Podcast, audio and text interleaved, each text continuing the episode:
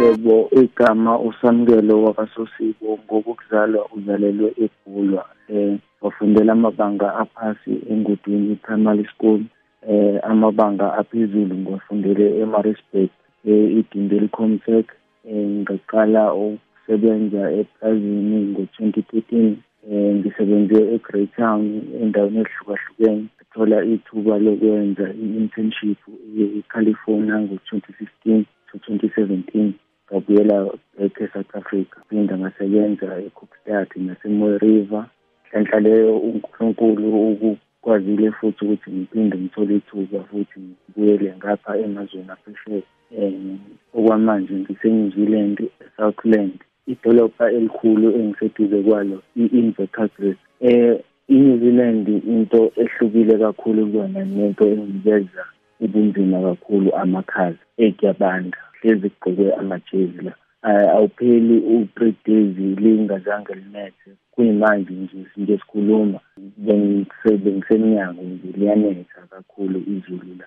Okwamanje isikhathi u-ten o'clock ebusuku and into engike ngayifunda kakhulu la ukuthi ubugebengu abukho. Since ngafika la last year ngo-october angikhumbuli bengizwa kuthiwa khona umuntu uke wavelelwa inkinga kade ihamba ebusuku noma mhlambe kade esedolobheni.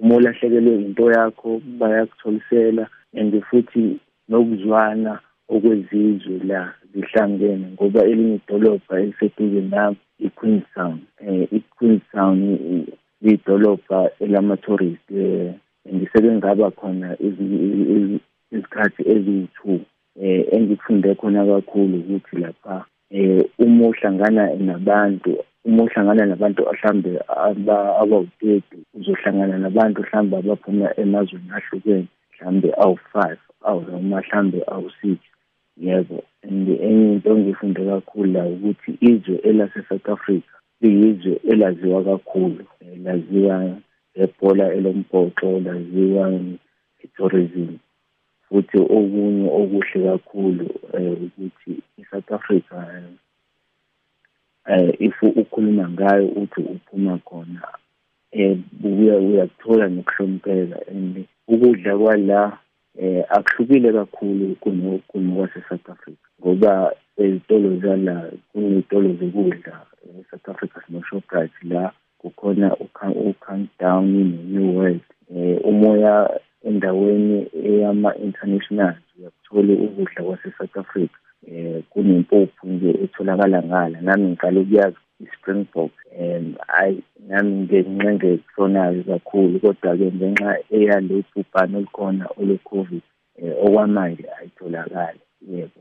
And enye into engingenxusa kakhulu kubantu base-South Africa eh if singakwazi ukuthi sihloniphe abantu abaphuma kwamanye amazwe ngoba ukufika kwami la angifikanga nje mhlambe ngokuthi ube ngazi kodwa ngasizwa insizwa engaxhumana nayo eyase-California ekwazile ukuthi if ithola ithuba kuqala lokuza eNew Zealand ikhumbule ukuthi hayi kunensizwa eyakahlangana nayo yase-South Africa ewusamukela um le nsizwa yabe seyikwazi ukuthi ingifonele ixhumane nami ngixhumanise nomlungu engisebenza kuyena la.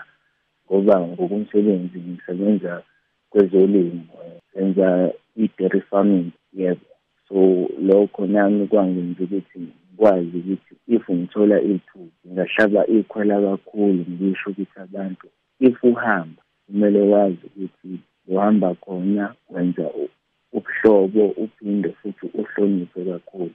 And le nsizwa siyaphila nayo kakhulu kuyimanje and umqashi engimsebenzelayo ngisebenzela umndeni wakathela um u-Andy u-Andy kumina. Ngiyamthatha njengomuntu osewumzali ngoba ungiphethe kahle kakhulu um nanoma ikhona i-COVID-19 kodwa i-New Zealand amanye wamazwe akwazile ukuthi anqobe lo bhubhane lolu kodwa-ke okuthanda ukuthusa kancane ukuthi sike sabuyela kwi-lockdown futhi um ngenxa yokuthi kube nama-cases abavela emasontweni adlule ambalwa kuyimanje siku-level two kodwa hhayi impilo iyaqhubeka yeah.